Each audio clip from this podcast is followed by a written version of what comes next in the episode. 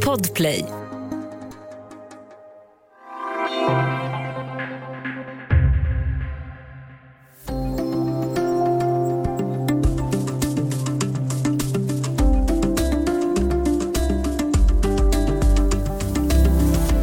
Om kvinnorna i Kina inte snart börjar föda fler barn så kommer kineserna att bli färre. Då kommer Indien snart att vara det land i världen som har störst befolkning till det kinesiska kommunistpartiets förfäran. Hur ska det förmå folk att få fler barn och varför vill de inte? Välkommen till Studio DN. Jag heter Sanna Thorén Björling.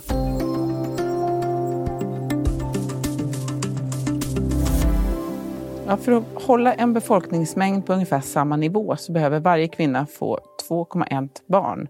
Då har man lite marginal för de som inte klarar sig. I Kina är den siffran 1,3 och om den håller i sig så kommer befolkningen där snart att börja minska. Med oss för att prata om Kinas demografi har vi idag DNs korrespondent Marianne Björklund. Välkommen! Tack!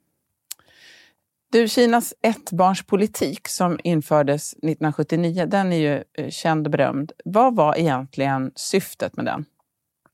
Eh, det var ju att man såg det som ett sätt att öka välfärden snabbare i Kina. Man tänkte att eh, om befolkningstakten ökar långsammare, då kommer BNP per person att stiga snabbare.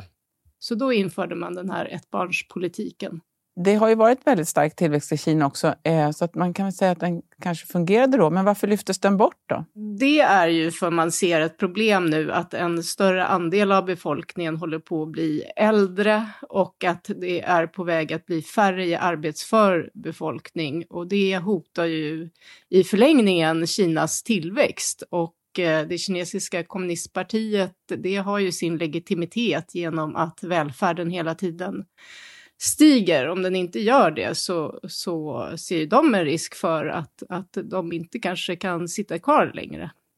Så det hade mer att göra med eh, politik och ekonomi än med att man var rädd att, eh, än med egentligen antal personer eh, som sådant? Eh, nej men det har ju att göra med strukturen på befolkningen. Eh, och om de inte skaffar fler barn så kommer ju den att gå mot att allt fler är över 65 år. Och, och då, det, det frestar ju på finanserna. Då kommer det ju krävas mer pengar till hälsovård och till pensioner. Och det kommer vara färre som arbetar för att dra in de pengarna i skatt. Det. Och det där är ju inte ett problem som bara finns i Kina, men... Eh, Nej, jag tycker man tänker mycket på, på äh, Italien till exempel har väl samma problem? Ja, Italien har ju samma problem och de har ju också usla finanser. Eh, men så lyfte man bort det här och gjorde en slags tvåbarnspolitik då istället. Men hur har det där fungerat? Det verkar ju inte som om, du har skrivit mycket om det här och enligt vad det du skriver så verkar det inte som att kineserna är jättepigga på att föda fler barn. Nej, det blev ju ett litet skutt uppåt eh, första året när de hade infört, nu är det tvåbarnspolitik, du får fortfarande inte skaffa hur många barn du vill. Eh, och då kan man väl tänka sig att de som hade längtat efter att ha två barn passade på att direkt utnyttja den här möjligheten. Men sen så har födelsetalen börjat gå ner igen och är lägre än innan de avskaffade ettbarnspolitiken. Så nej, det har inte alls fungerat. Eh, jag tror att kineserna vant sig vid familjer med bara ett barn och de tycker det är dyrt och tar mycket tid att ha fler än ett barn. Mm. Och nu är, är på, befolkningsökningen är, har inte varit så här långsam sedan 50-talet. Du var inne på det här med kostnaden. Det är ju jättedyrt att ha barn, det är det ju verkligen. Men kanske ännu mer i Kina. Vad är det som kostar så mycket där? Ja, nej, men de har ju otroligt höga ambitioner för sina barn och det är ju stor konkurrens när det gäller att komma in på de bästa universiteten. Och, eh, man, man vill ju att barnen ska ha det bättre än, än vad man själv har haft det. Så de eh, som har råd, de eh, ser ju till att barnen tar privatlektioner i alla möjliga ämnen från väldigt, väldigt ung ålder. Och det kostar mycket pengar, det är dyrt. Så det, är inte, eh, det är inte den vanliga skolan som kostar, utan det är alla extra saker som kostar mycket pengar? Ja, det är det. Och sen mm. finns det ju de som är rika och har sina barn i privata skolor som kan kosta jättemycket pengar. Men eh, för de flesta är det ju de här privatlektionerna och det, kan ju, det börjar de ju med innan skolan. Alltså det kan börja vid tre, fyra års ålder.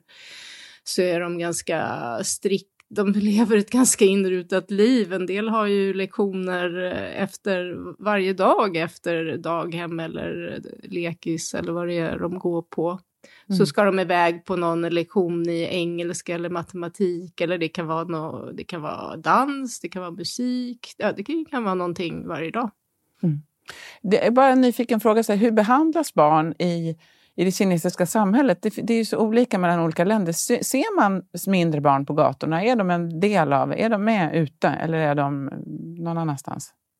Nej, men jag tycker man ser barn på gatorna, särskilt på helgerna. Då är ju familjer ute med sina barn mm. och de behandlas, eftersom man har den här ettbarnspolitiken så de har ju, som vi pratade om tidigare, så är det ju ganska strikt och de har inte så mycket tid för lek. Men de är samtidigt lite kungar och drottningar i sina familjer eftersom det är ju bara ett barn och, och det är ju den man eh, har att bry sig om och, och, ge all uppmärksamhet. Så de får ju väldigt mycket uppmärksamhet, de här mm. barnen. Mm. Och det har ju även varit en debatt om att de är bortskämda. Just det. En nyfiken fråga till då. Man kan förstå att kanske föräldrar som har själva har utbildning och sådär förstår att utbildning är väldigt viktigt och så. Men är det här generellt? Eller hur är det till exempel ute på landsbygden, i, bland fattigare familjer eller kanske i bondesamhället och sådär? hur är det där med barnen? Ja, jag tror inte de, de fattiga har ju inte råd förstås med de här uh, privatlektionerna som de här uh, medelklassen i storstäderna sätter sina barn i. Men jag, det finns nog ambitioner. Jag besökte en fattig familj i, i provinsen Yunnan och, och de pratade mycket om äh, att de, det var viktigt, för de hade själv inte fått utbildning. Jag vet mamman där, hon kunde inte ens läsa. Men de pratade mycket om hur viktigt det var att deras barn fick en bra utbildning. Och, eh, och de var väldigt stolta över dottern, kom jag ihåg, som kunde lite engelska och sådär som inte de kunde. Ja, mamma, det var en minoritetsfolk det här och mamman kunde inte ens prata mandarin utan vi fick liksom översätta två gånger där. Mm. Vad spännande. Vi ska alldeles strax prata mer om demografin i Kina och vad den innebär.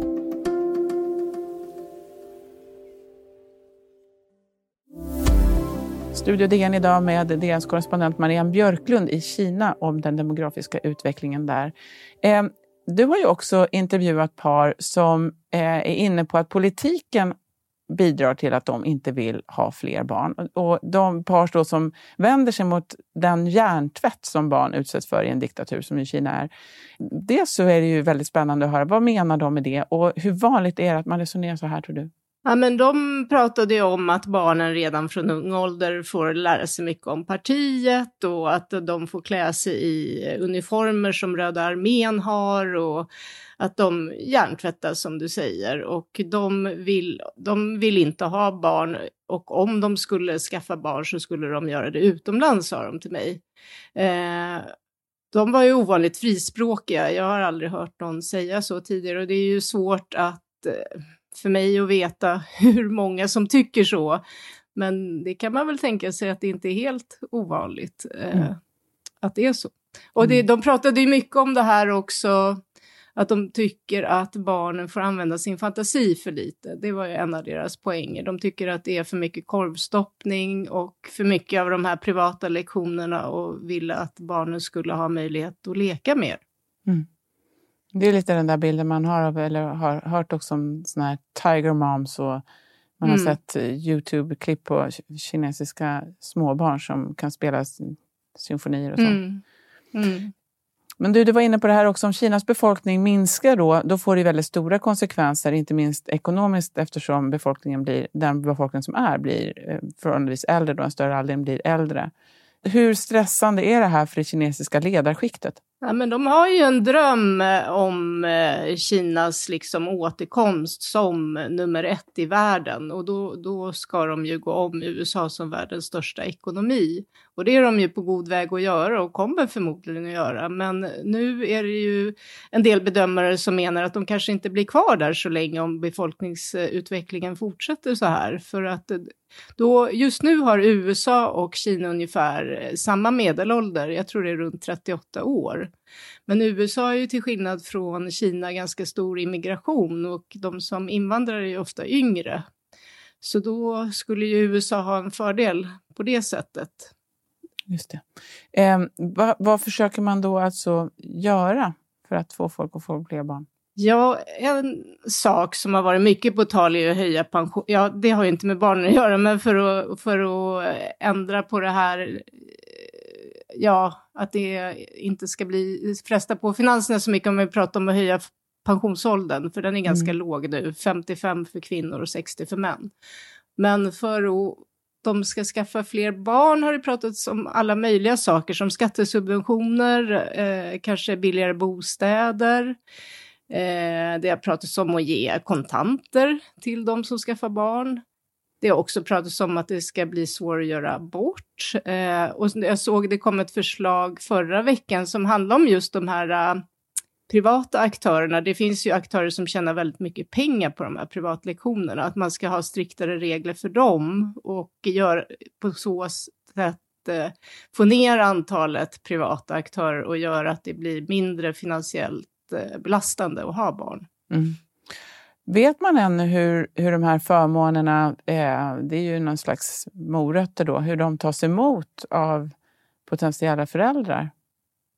Nej, det vet man väl ännu inte, men det är ju dyrt att bo här till exempel. Så bostad, så, i alla fall i storstäderna, det har ju gått upp eh, boendekostnaderna, så det är möjligt att det skulle underlätta. Och jag tror just det här att att man inte ska behöva ta så mycket privatlektioner kan ju också göra att fler tycker sig ha råd att ha barn. För många jag har pratat med säger ja men om, om, man, har, om man skaffar barn då ska du ju få den bästa utbildningen man kan få, annars är det ingen idé.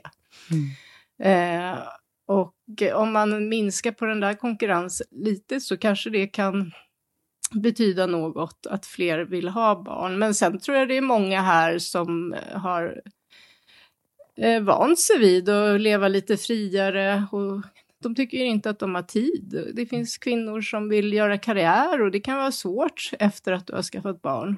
Mm. Eh, sen skulle man, det är väldigt svårt att vara ensamstående mamma här. Du får inte samma förmåner. Det, av tradition ska du ju vara gift och det, där skulle de ju kunna göra en förändring. Mm. Det är ju inte, jag menar om ettbarnspolitiken infördes 79, då är det ju en massa människor där som är vuxna. Det är väl 100 miljoner ensambarn eller så, läste jag någonstans. Vet man om dem? Om man har vuxit upp som omhuldad, hur blir man då som vuxen? Blir man odräglig då? Ja. det kanske är därför de inte vill ha barn. De kanske inte det kan det vara. Ja, men det kan det ju vara att man är lite individuell och mm. tänker mm. mer på sig själv. Mm. Eh, men sen finns det ju förstås här som i alla andra länder kvinnor som längtar efter barn. Det, det finns ju både, här är ju en befolkning på 1,4 miljarder så det finns ju alla möjliga individer som har olika längtan och mål med sina liv.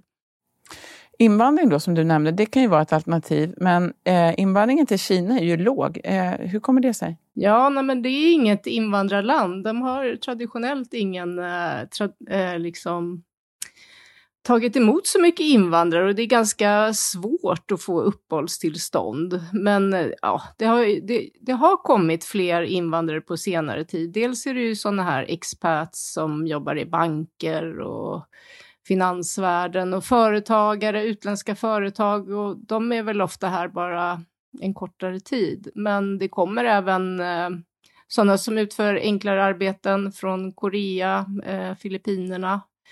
Men det, går, det, är ju otroligt svårt att bli kinesisk medborgare till exempel. Mm. Det, då måste du nästan ha släkt här.